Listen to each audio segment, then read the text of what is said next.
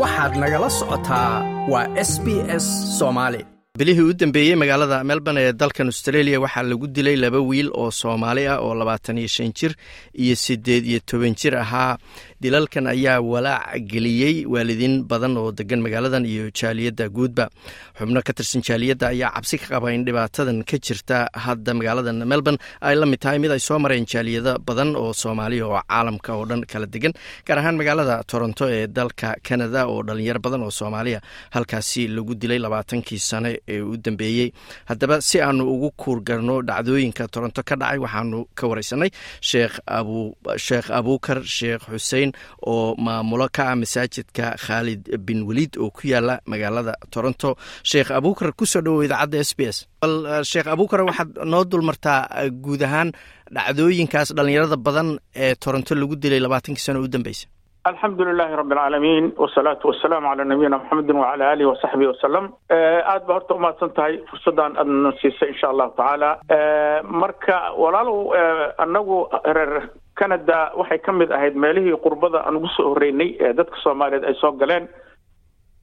Run ahaantii sanooyinkii hore waa iska fududeed arrintu. Laakiin markii wadanka la degay oo aada iyo aada loo degay ayaa waxaa nagu bilaabatay runtii dilidda yani maaragtay. Waxaan xasuustaa diliddii noogu horreysay oo annaga masjid ahaanna loo keenay runtii.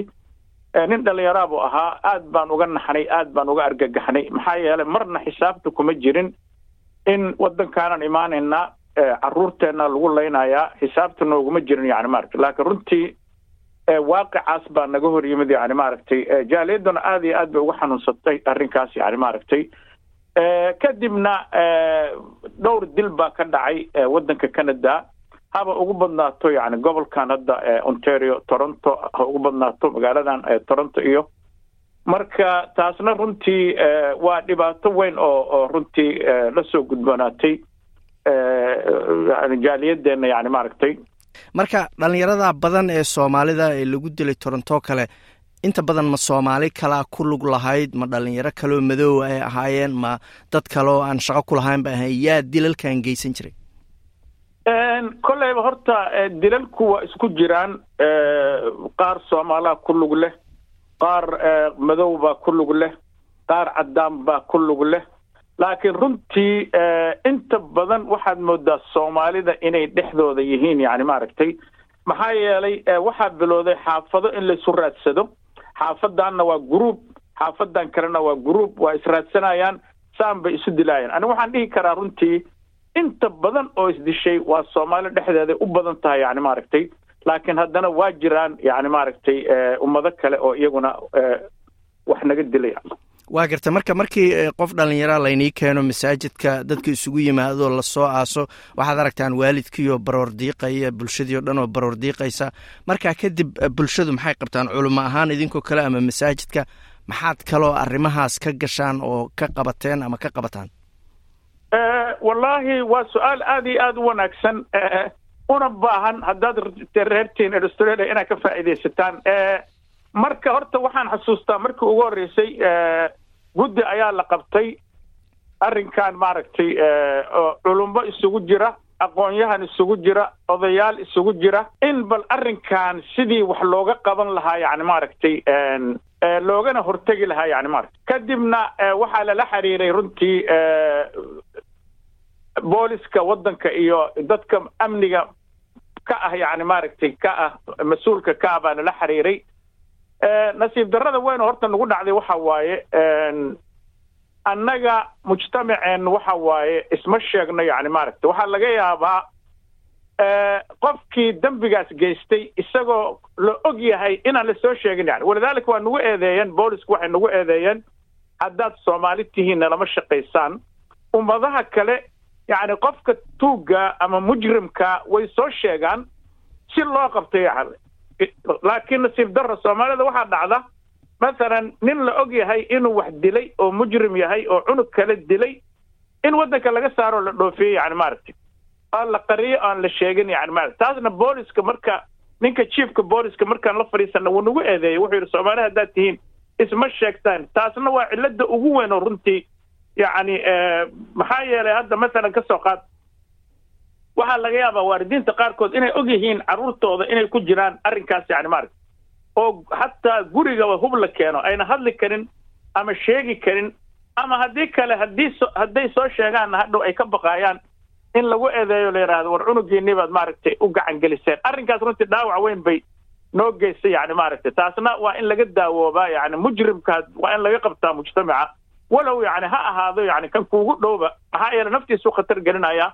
ummad kalena khatar buu gelinaya. Marka waxa waaye guddigaas culummada aqoon-yahanka odayaasha hooyooyinka intaas markay wada fadhiisteen bal waxaa la yidhi ha la tashto yani maaragtay communitygana ha la wacyigeliyo waddankaana waxaan nahay citizen baan nahay waa in amnigeena nagala nala kala shaqeeyo yani maaragta laakiin runtii nasiib daro nama saan rabnay amniga noolama shaqayn oo waxaa dhacda xataa in badan oo ka mid a haddaan ku dhaho sagaashan boqolkiiba sagaashan carruurtana laka dilay lama qaban wixii dilay yani maarata waxyaalaha aan xallin lahaa yani war maxay ka timid? Waayo limaada maxaa loo qaban waayo? Mushkiladu ma annaga ma booliska.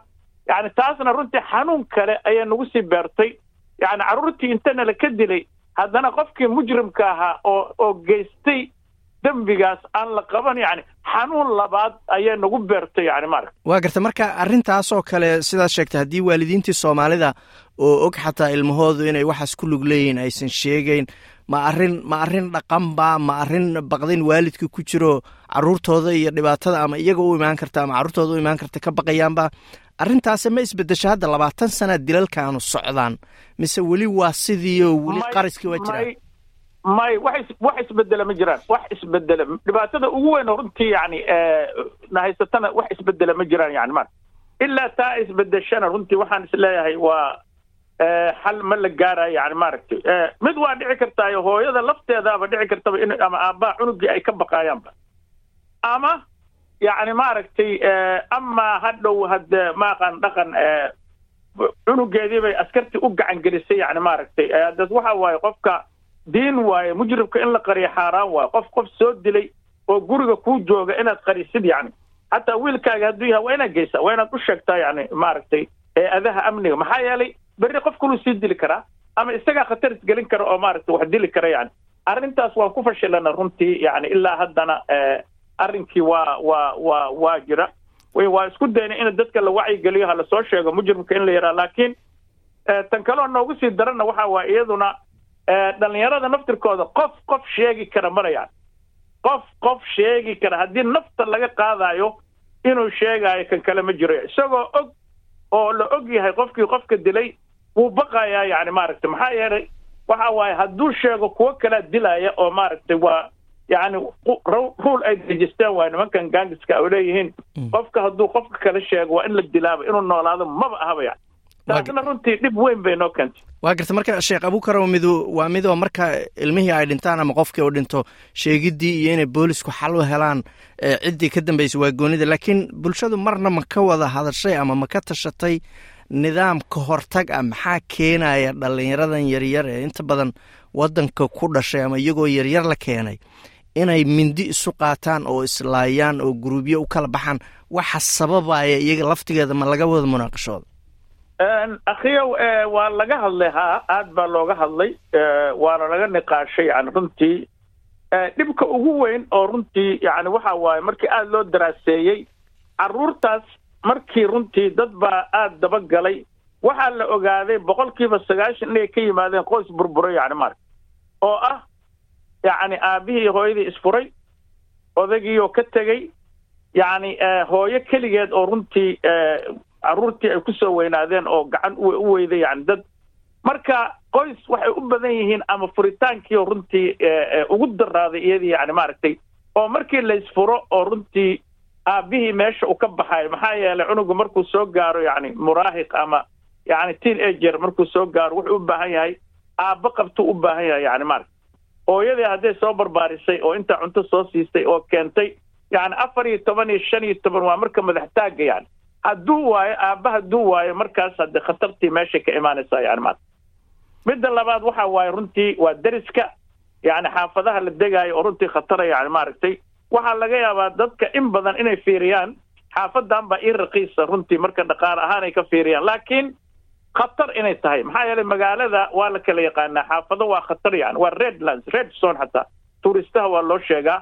Yacni taasna yani xaafadahaasna waa u badan yihiin dilku runtii waa u badan yihiin yani maaragtay taasna runtii yani dhib bay noo keentay yani ma xataa iskuullada iyo iyo iyo dariskaas iyo arrinkaas oo dhan dhibaato weyn bay noo keentay runtii marka qoysaska burburkiisa yani isaga ayaa runtii ugu daran yani maaragta waa gartay marka sheekhow sidoo kale soomaalidu dhibaatooyinkan oo kale markay dhacaan waxaa farta lagu fiiqaa in bulshooyinka soomaalida ama jaaliyaduhu dibadaha degan inay kala qaybsan yihiin oo qabyaaladii iyo dhibaatooyinkii soomaaliya ay aada u saameeyeen. Torontoo kale masaajida badan baa ka jira jaaliyado badan baa ka jira.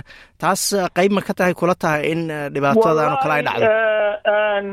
ma dhihi karo. Qayb waa jirtaa mujtamaceena. Laa shaka waa la kala qaybsan yahay qabiil waa jira. Laakiin ma u malaynayo inuu yani arrinkaas kala qaybsanaantaas inuu yani ka qayb qaatay dilkaas carruurta aniga aniga yani aniga qaymaynteeda yani runtii ma aha yani runti waxa ka igaga daran waa qoyskan burburay ama aabihii oo carruurtii ka tegey yani maaragtay oo waddan kale jigana jira yani maaragtay ama yani runtii waalidkii oo aan haysan yani maaragtay arrinkii tarbiyada waxa la yidhaahdo atarbiya maxaa yeelay tarbiyadu waa cilmi la barto yani arrinkaasna waa laga yaabaa yani runtii in laga gaabiyey ama wadaada ha ahaato ama aqoon-yahan ha ahaato.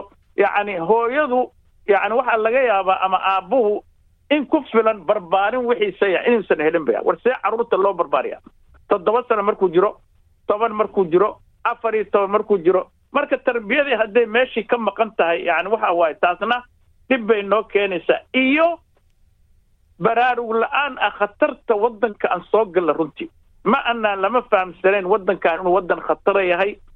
Waxaa loo qaata khalaas bar waaqaba in la soo galo yani maaragta oo dhibba ayan jirin yani maaragta marka arrintaasna iyadana runtii way ka qayb qaadata runtii qoyska marka qoysku waa muhiim maxaa yeelay cunugu meesha uu ku barbaarayo faraaqa waktiga carruurta runtii waalidiin najaxay waa jiraan runtii. Carruurtooda jaamacado uga baxeen maasha allah qur'aanka u xifdiyeen in badan baa guulaysatay. Taasna waxa waaye waalidkii aabbihii hooyadii waa isku duuban yihiin. Aabbuhu markuu shaqada ka soo baxo gurigiisuu yimaadaa. Yacni wuxuu og yahay mas'uuliyadda ka saaran laakiin mushkilada hadda annaga shiishad baa noo furan meel lagu khamaaraa furan yacni maaragtay yacni runtii qiila waqaalaa furan fadhi ku dirir baa furan yacni meel intaasoo dhan ay waktiga ku bixiyeen waxay ka go-an tahay gurigii bay ka go-an tahay. Cunuga faraaqa ama waktiga wuxuu ku buuxinayaa social media ama saaxiib xun yani maaragta mar walba aabbaha uu ka mashquulo yani maaragta mathalan aabbihii waa track driver ka soo qaad maraykan buu aadaa waa baxaa safar dheer buu garaa waxaa laga yaabaa wiig inuu maqnaado alxamdulilah waa fiican yahay lacag buu u shaqaynaya. Laakiin waxa waaye waa ka lacagtaas keliya maahan tarbiyadii aawe cunugii ma ka warqabtaa yani yacni xiriirka aad leedihiin muxuu yahay.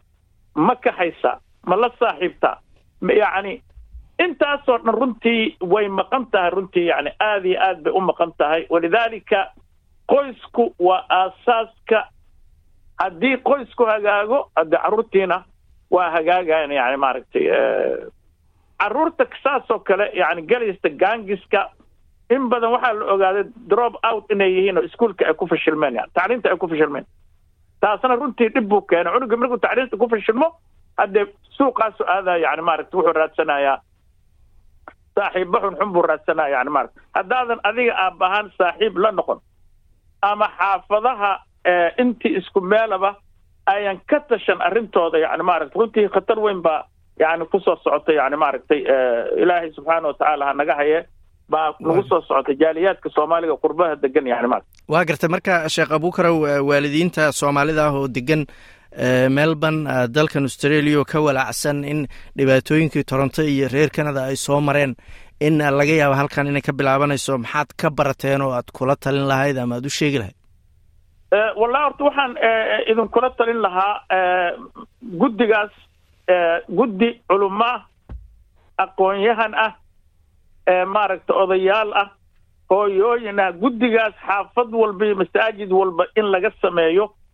Yacni maaragtay ayna barnaamij u furaan dhallinyarada mashquuliyaan yani hadda annaga masaajidkeena alxamdulilahi rabbilcaalamiin laba dhalinyara waxaa jira jaamacatu islaamiya ka soo baxay labadaas dhallinyaraa meel weyn bay naga qabteen. Maxaa yeelay waxay yaqaaneen carruurta dhaqankooda iyo luuqadooda iyo sida loola hadlo. Yacni waxa waaye intaasoo barnaamij oo kala duwan bay runta u sameeyeen.